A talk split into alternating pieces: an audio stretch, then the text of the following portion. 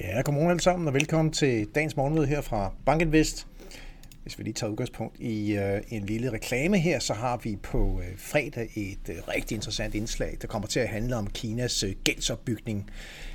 Mere præcist inden for, for det område, vi kalder shadow banking. Øh, hele Kinas gældstruktur, særligt når det gælder de her lokale stater og lokale øh, regeringer, øh, local government financing vehicles, jamen det er en del af gældsopbygningen i Kina, og hvad der foregår der, det øh, er der virkelig ja, øh, værdi i at sætte øh, fokus på. Øh, det er tydeligt at se, at topstyret i Kina har sat en eller anden form for bremse på den her gældsopbygning, vi har, vi har været vidne til i en årrække. Det var altså også med til at presse den kinesiske vækstmodel. Så mere om det her på fredag, når vi har fornøjelsen af at have ekspert i kinesiske forhold, Andrew Collier med os. Han er en del af Global Source Partners og er baseret i, øh, i Hongkong og har virkelig, virkelig dyb indsigt i kinesiske forhold således reklameret, og øh, tilbage til markedet, jamen virkelig små bevægelser på det toneangivende amerikanske marked i går. Vi har det amerikanske S&P 500-indeks nede med bare 0,1 procent, og den amerikanske 10-årige rente, den falder et enkelt basispunkt. Og det handler altså om, at der er, er virkelig et marked, der venter på at få dagens øh, CPI-tal fra USA. Kommer her kl. 14.30 i dag. Og øh, det kommer vi lige til, tilbage til. De her små bevægelser på USA, øh, jamen de ændrer jo ikke på, at vi her i 2023 har at gøre med et amerikansk S&P 500, der virkelig har gjort det godt. Vi er op kursmæssigt med cirka øh, 15 procent afkastet godt og vel. 16 procent også, når vi opgør det i, i danske kroner, så et rigtig stærkt 2023. Men øh, tager vi lige et, uh, et tjek på, hvor vi egentlig står i et lidt større perspektiv, så er det jo interessant at notere sig, at vi stadigvæk ligger cirka 9 procent under den kurstop, som vi så tilbage i starten af 2022, inden at øh, Ukraine-krigen brød ud. Vi fik hele løftet i råvarepriserne, modvind til økonomierne for den kant, og også øh, rentestigninger. Så der er altså et stykke op til cirka 9%, til vi rammer den kurstop, som, øh, som vi så tilbage den, øh, den 3. januar 2022. Så det er et aktiemarked, der har ligget og, og kæmpet en del øh, op og ned. Vi har jo korrektionen fra, fra, ja, fra sommeren øh, 23, juli, øh, august, september, oktober korrektionen cirka 10 procent, så har vi hentet en del af det tabte igen. Men nu må vi se, hvordan markedet bliver inspireret, ikke mindst af hele komplekset omkring inflation og pengepolitik i de kommende dage og kommende uger.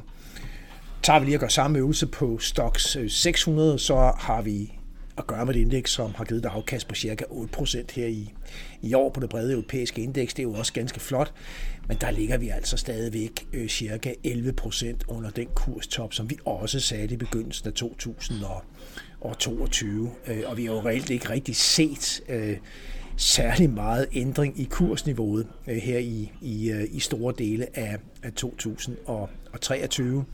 Øh, og går vi lige ind på det danske OMX Copenhagen Cap Index her, jamen så ligger vi faktisk kursmæssigt hele 22 procent under den kurstop, som vi satte helt tilbage i september 2021.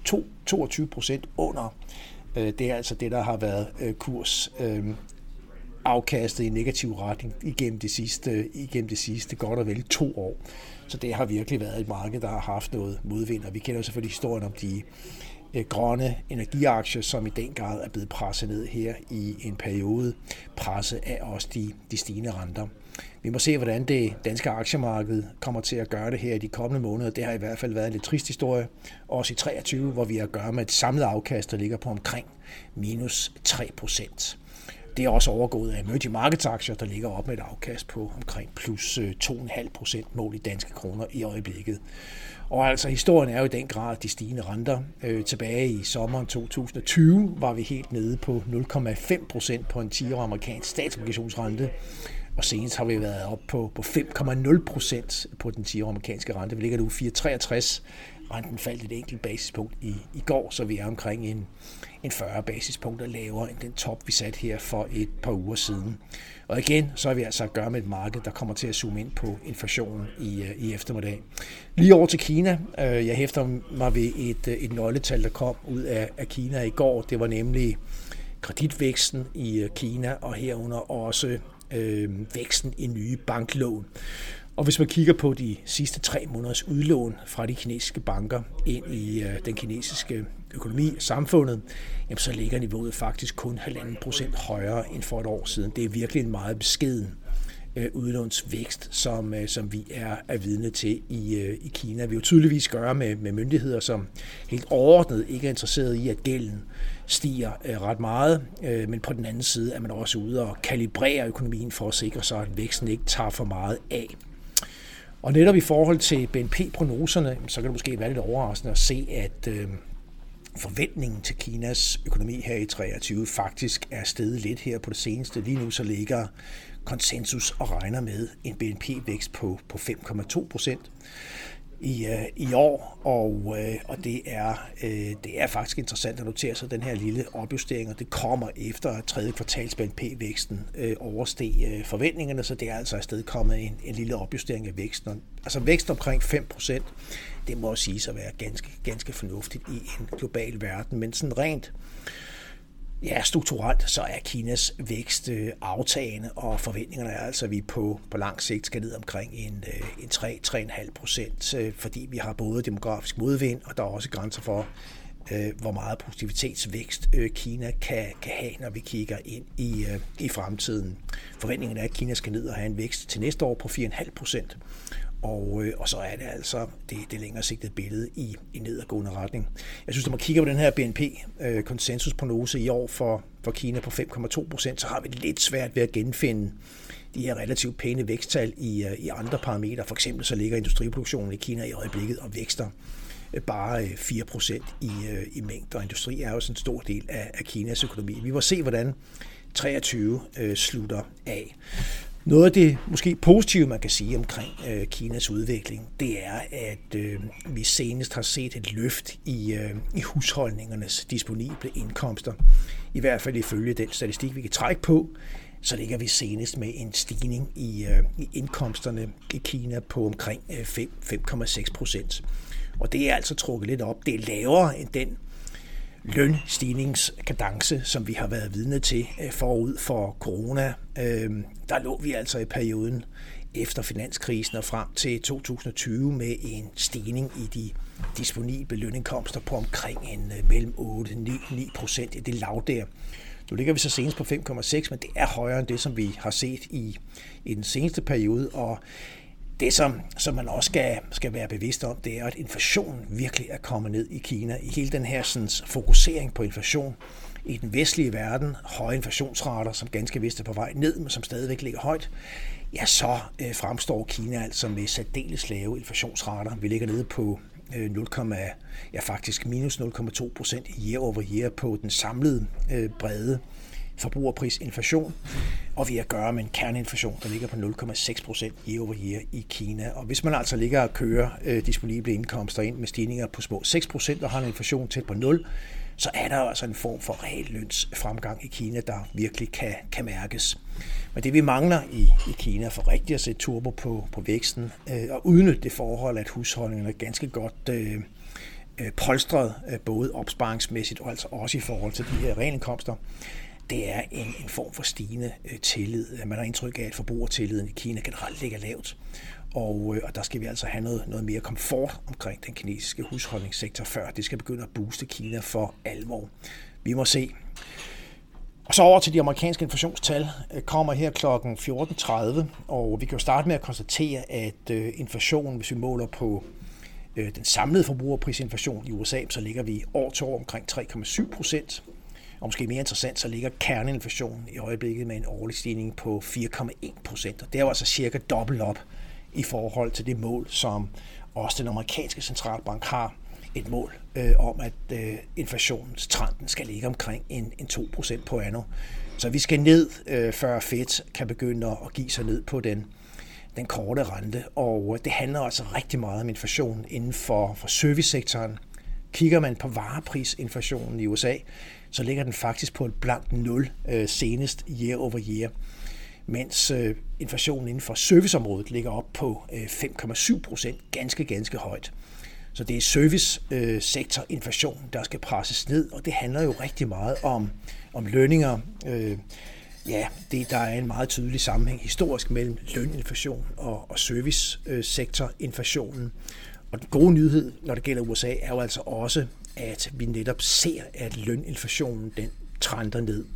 Senest så har vi en, en årlig stigning i øh, hourly earnings, de timelønninger, den statistik, vi får offentliggjort i forbindelse med jobrapporten hver måned, ligger på bare 4,1 procent i over year, og vi kan også se det bredere indeks, Employment Cost Index i USA, ligger på 4,3 procent i over year. De her to kurver følger hinanden ganske godt.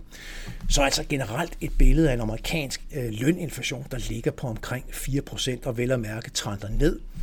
Og så skal man jo ikke glemme, at virksomhedernes produktivitet øh, kører også øh, op og spiser en del af den her sådan, løninflation.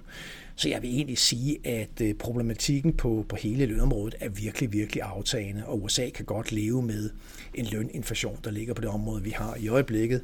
Det kan fint være konsistent med en langsigtet inflationsrate på omkring et par procent. Vel at mærke, hvis virksomhederne kan ligge og lave en produktivitetsvækst på ja, op mod 2% pro, pro anno. Nå, vi får se, hvordan inflationen kommer ud her i eftermiddag. Meget specifikt, så ligger konsensus og peger på, at øh, kerneinflationen, core CPI, skal stige med 0,3 procent måned til måned her senest i oktober. Og det var altså stadigvæk lige i den høje ende, hvis vi skal op og køre med sådan en analyseret inflationssagt på 2 procent årligt. Øh, den gode nyhed det er jo, at vi kan se, hvordan øh, trenden i de her månedlige prisstigninger er faldet successivt, men vi skulle gerne tilbage til der, hvor jeg satte en grøn pil, nemlig månedlige prisstigningstakter på omkring øh, maksimalt 0,2 procent måned til måned. Vi må se, hvordan tallet kommer her i, i eftermiddag. Vi har vel at mærke tilbage de seneste par år set nogle væsentlige afvielser i de faktiske tal relativt til konsensus, både i den ene og den anden retning, og vi kunne se, hvordan det har slået igennem på de finansielle markeder og skabt noget volatilitet. Vi øh, satser på og håber på et, øh, et moderat tal her i, øh, i eftermiddag, og så får vi se, hvad der sker.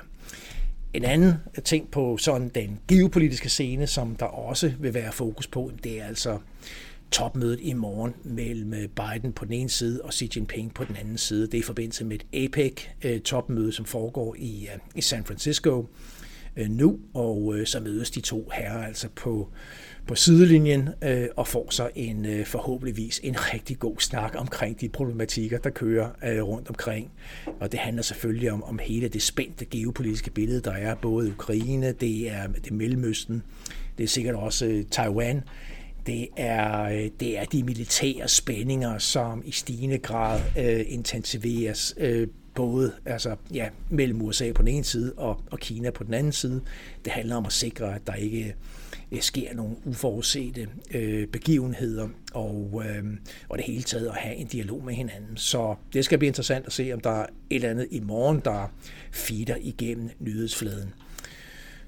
Og med det frem til øh, morgen, eller vores, vores, øh, vores status på markedet her fra, fra morgenstunden af. Vi ligger i øjeblikket med næsten stabile amerikanske aktiefutures op med 0,1 procent. Og det er altså inflationen, man venter på. DAX futures ligger også op med 0,1 procent lige nu. Stabil 10-årig rente. Som sagt, øh, både inflationstal ud af USA og også NFIB-indekset, som viser stemningsbarometeret inden for de mindre virksomheder i USA. Topmødet i morgen mellem Biden og, og Xi. Og med det, så skal jeg tak for, at I var med her til morgen. I må have en god dag med kunder og på markedet. Vi tales ved i morgen tidlig. Tak for nu.